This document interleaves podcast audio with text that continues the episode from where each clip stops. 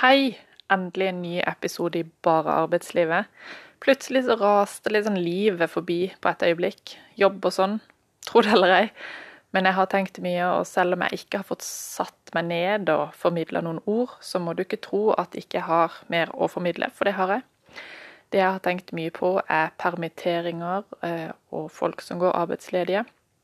Og selv om jeg ikke har vært permittert noen gang sjøl, så har jeg jo jobba deltid, 60% og samtidig som det var herlig å kunne jobbe noe sånn 20 timer pluss i uka, så var det faktisk umulig å få til i praksis. Så i denne episoden så vil jeg snakke om hvordan det er å jobbe deltid i en heltidskultur. Mitt navn er Hege Helvik, og jeg er utrolig engasjert i arbeidslivet. Send meg en mail hvis du har erfaringer eller innspill på arbeidslivet.hotmail.com. Det er jo veldig interessant, dette tallet, 37,5 timer. Og jeg har jo gått og tenkt mye på dette, men jeg blir fremdeles ikke klok. For det er jo faktisk ingen av oss som har bestemt at det skulle være sånn. 37,5 timer.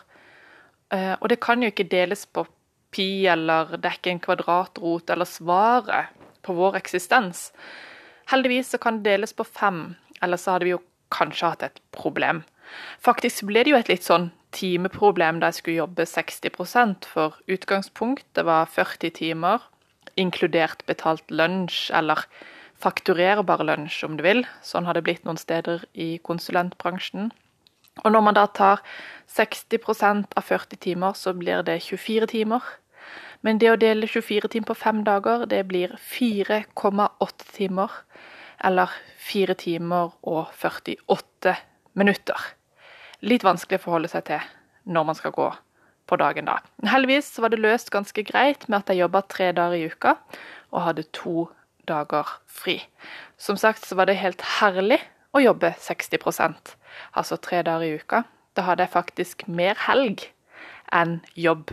Og det var veldig velvillig da min daværende sjef eh, sa det løser vi når jeg kom, og sa at jeg ville jobbe mindre. Og så var det jo fordi at jeg hadde begynt på mitt gryende ambisjon-bokprosjekt, eh, så egentlig så hadde jeg ikke tenkt å ha fire dager helg. Jeg skulle jobbe med inntektsbringende arbeid i tre dager, og så skulle jeg gjøre mitt eget bokprosjekt, eh, eller egoprosjekt, i to dager. Og så skulle jeg være litt med familien i to dager. Og i perioder hvor det ikke var så mye som skjedde på jobb, så var dette opplegget en ren fornøyelse. Og kanskje akkurat der så var det at 24 timer fremfor 40 timer føltes som nesten veien til paradis. Altså når det ikke skjedde noe på jobb. For da satt jeg jo der og stirra i skjermen og venta på at ting skulle skje. Og sammenligna med nå i den jobben jeg er i nå, hvor jeg har mye å gjøre hele tida, og den viktigste oppgaven jeg egentlig har, er å delegere fra meg mye til andre, som ikke alltid er så lett heller av flere grunner, så satt jeg den gangen alene og venta på et relevant prosjekt. Og da, i ventetida, var det nesten uutholdelig å sitte 40 timer hver uke og tvinne tommeltotter. Og det er jo inderlig synd på folk som gjør det, sitter og tvinner tommeltotter og ikke kommer seg bort. Min løsning ble altså å jobbe 60% tre dager i uka, og det funka egentlig helt sånn tipp topp til jeg fikk et oppdrag, for da jobba jeg plutselig 120% Og jeg fikk jo ikke gjort så mye av bokprosjektet i de periodene hvor jeg hadde prosjekter, men jeg fikk opparbeida meg mye avspasering, og det var jo fint, for sommerferien min økte i begge ender. Fra fem uker til seks uker til åtte til ti uker. Plutselig så satt jeg med tre måneder. Tre måneders sommerferie. Det var en drøm. Min erfaring tilsier jo at det ikke er så lett da, å jobbe 60% i en heltidskultur.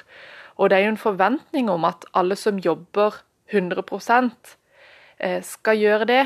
Og når du får et oppdrag, så skal du jo helst jobbe 120% også. Ingen problem når man får opparbeida seg en stor bolk med fri, tenker jeg. Og kanskje er det noe forlokkende med hele ideen her, med en sånn type sesongarbeid. F.eks. tre måneder på og tre måneder av. Jeg vet ikke.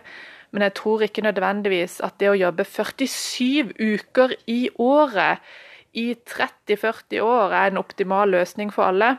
Iallfall ikke hvis man ønsker å få tid til å gjøre noe som ikke bare gir inntekt. Bestige kjente fjell, lese bøker, lære seg noe nytt, som f.eks. koding. Det er tilfeldig at jeg nevnte koding. Ikke ta det som noe sånn eksperttips på hvor du får mest mulig jobb i tida fremover. Jeg vet ikke søren om koding er svaret på det. OK, valgfri deltid er altså eh, på meg. Nei, jeg jobber ikke deltid nå, og grunnen til det får vi ta i en annen eh, omgang. Men det hender jo en gang iblant at jeg tenker at jeg ikke har behov for å jobbe så mye som nå. Både med tanke på hvor mange timer i døgnet det tar, og eh, jeg har kanskje ikke behov for all den inntekten heller. Eh, og jeg savner muligheten til å jobbe med bokprosjektet litt mer enn det jeg får tid til å gjøre nå. Uansett, permisjoner igjen. Jeg har ikke vært permittert, men jeg har jo jobba deltid og sett at det ikke lar seg gjøre i praksis sånn egentlig.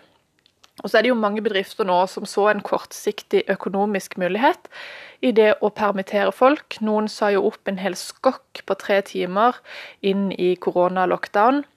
Snakk om å ha lite tro på bedriften eller folka sine, og det er synd. Enkelte bedrifter permitterte folk i lavsesong, altså i perioder hvor de uansett ikke ville hatt så mye inntekt. Lette penger. Utrolig trist, tenker jeg.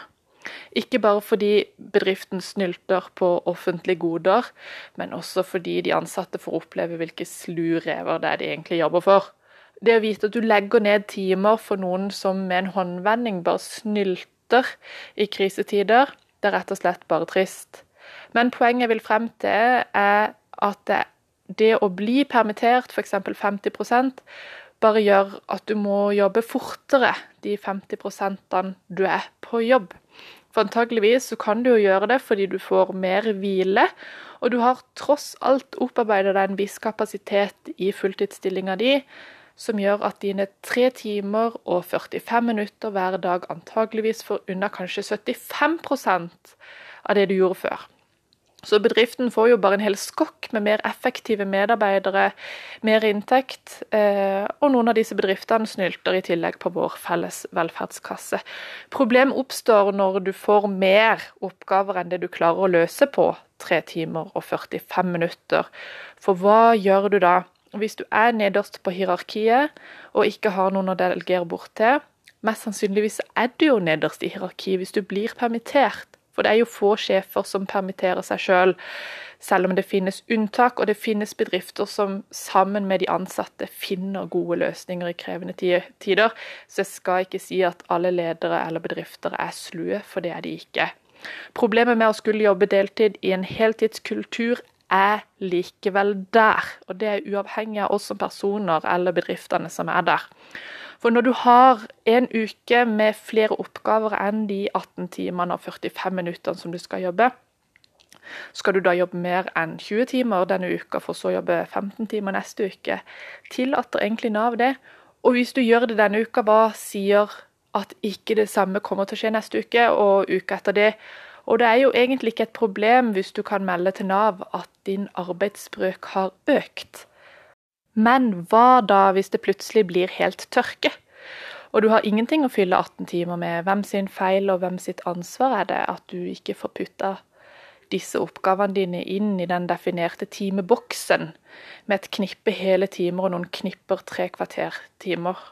Og som nevnt, jeg har jo ikke vært permittert, men jeg har vært delvis sykemeldt fordi jeg i perioder har jobba for mye, og kroppen over lang tid har sagt ifra at nå må du roe ned, uten jeg helt har skjønt hva som skjer med meg.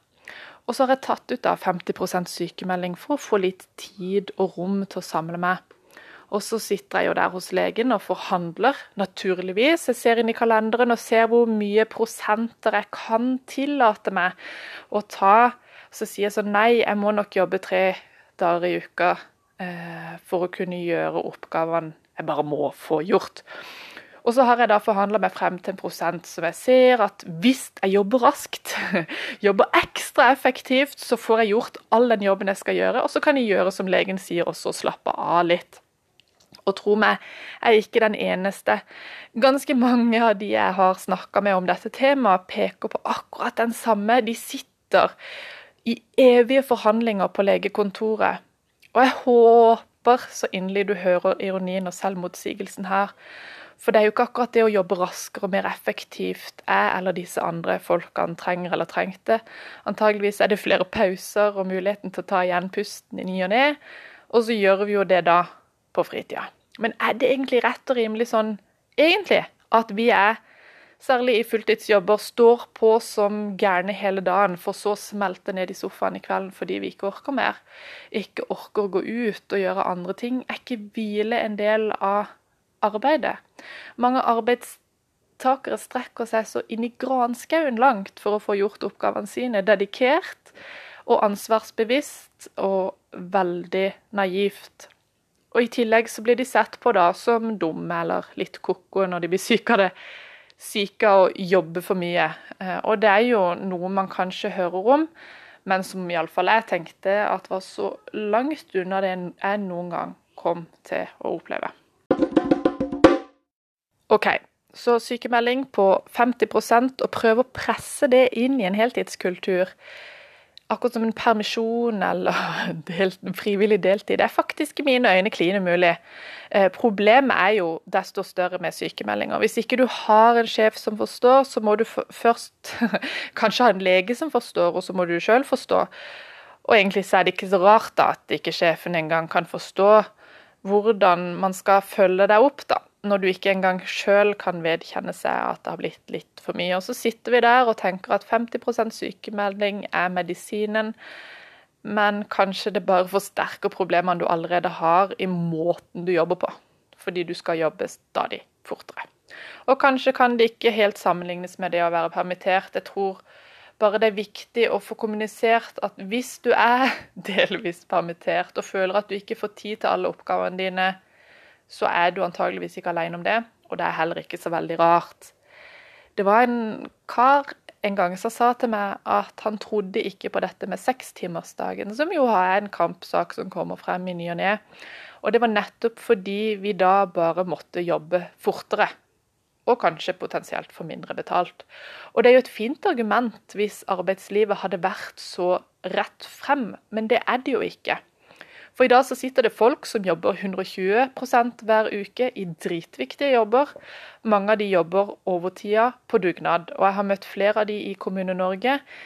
Tror du at det å jobbe i kommunen er en slow walk in the park, en slags tidlig pensjonisttilværelse? Hvis du gjør jobben din, så sorry, det er det faktisk ikke. Ok, Og så er det også folk som jobber 120% ikke fullt så viktige jobber. Men det er jo en jobb, og den gir betalt, og som jeg har nevnt tidligere, f.eks. telefonselgere. En karriere jeg har erfart så altfor kort, eh, kort nok, langt nok.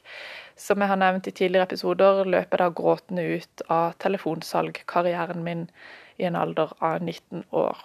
Om du jobber 120% i en viktig eller uviktig jobb, det er ikke så viktig. Det jeg syns er litt viktig, er at det jobber folk i både disse viktige og uviktige jobbene som på papiret har 100% men som ikke jobber 100% Jeg vet ikke helt hva de bruker tida på. De svinser og svanser rundt og har antageligvis ikke da nok oppgaver til å fylle tida si med, eller de gidder ikke å gjøre det. Eller så har de en eller annen kontrakt som gjør det vanskelig å si de opp, så du bare putter de inn i et kott og håper at de får tida til å gå et lite irritasjonsmoment for oss som står på hver bidige arbeidsdag. Men kanskje er det også på plass med litt empati for disse folka, for de kan jo bli avslørt og miste jobben sin. Kan de ikke?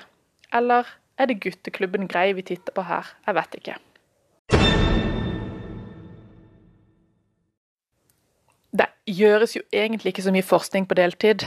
Eh, og når man snakker om deltid, så er det jo fordi man ønsker å øke folk som jobber i heltid.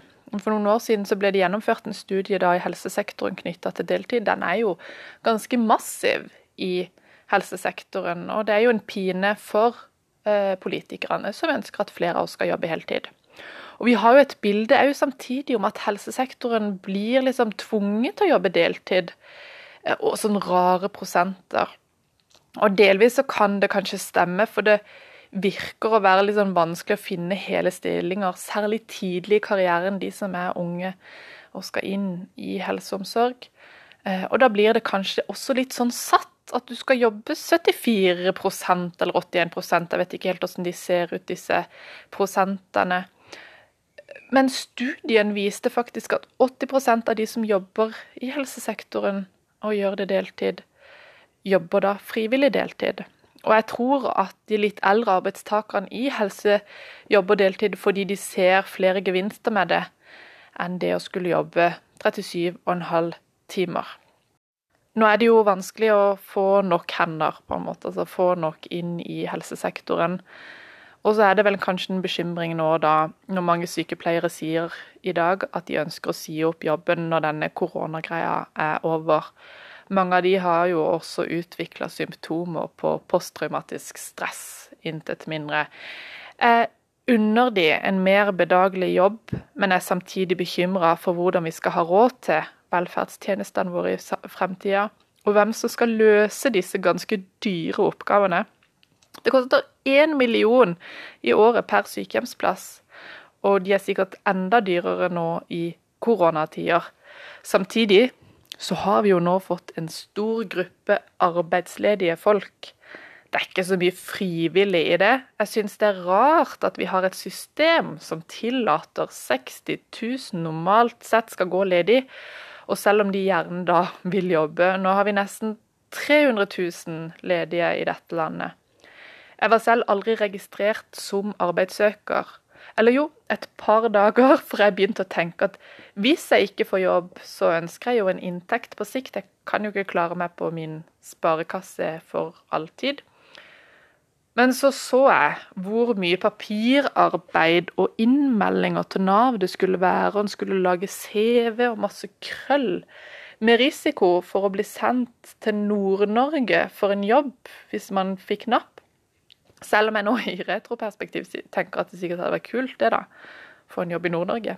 Uansett, jeg hadde ikke tålmodigheten til å levere skjemaer til Nav i tre måneder før jeg kanskje kunne få litt støtte, fordi jeg hadde jo sagt opp jobben sjøl. Og så satsa jeg alle kortene mine da på at jeg kom til å få jobb innen rett tid likevel. Og shit! Det tok seks uker i den nye jobben før koronakrisa slo inn. Shit, jeg hadde vært bekymra hvis jeg ikke hadde hatt noe inntektsutsikter, sånn som jeg har nå.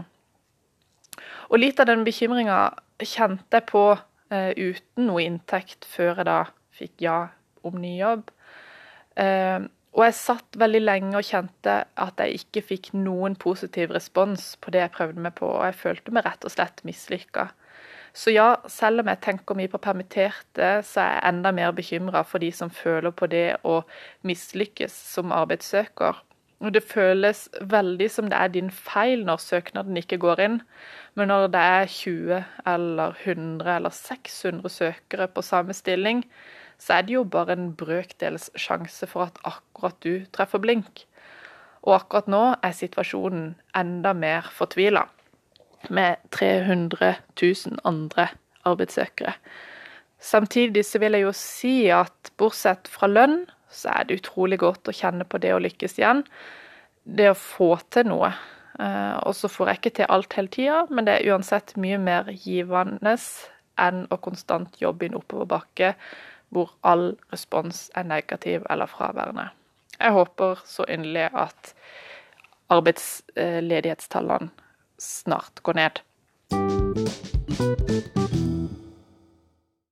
Fantastisk å være tilbake. Jeg kan ikke love sånn jevnlig hyppighet, men jeg er stadig i tankeboksen. Og etter hvert så ønsker jeg å ha noen gjester. Jeg tror det hadde vært litt kult. Kanskje du har noen, noe på hjertet og ønsker å være gjest sjøl? Eller vet om noen du tenker har noen nyttige perspektiver inn? Si ifra. Jeg vil gjerne ha tips og argumenter både for og imot det jeg snakker om. Og selv om jeg har sittet og snakka om bare arbeidslivet, så er det jo faktisk utrolig mye som handler om nettopp arbeidslivet. Så jeg tar spent imot eh, innspill, f.eks. på arbeidslivet.hotmail.com. I neste episode så vil jeg forsøke å svare ut hvem skal sørge for denne økonomiske veksten hvis alle dere deltidsforkjempere skal, ja, jobbe deltid. Sånn som jeg sjøl maner om. Et hint det er faktisk nok penger der ute. Ha det så lenge.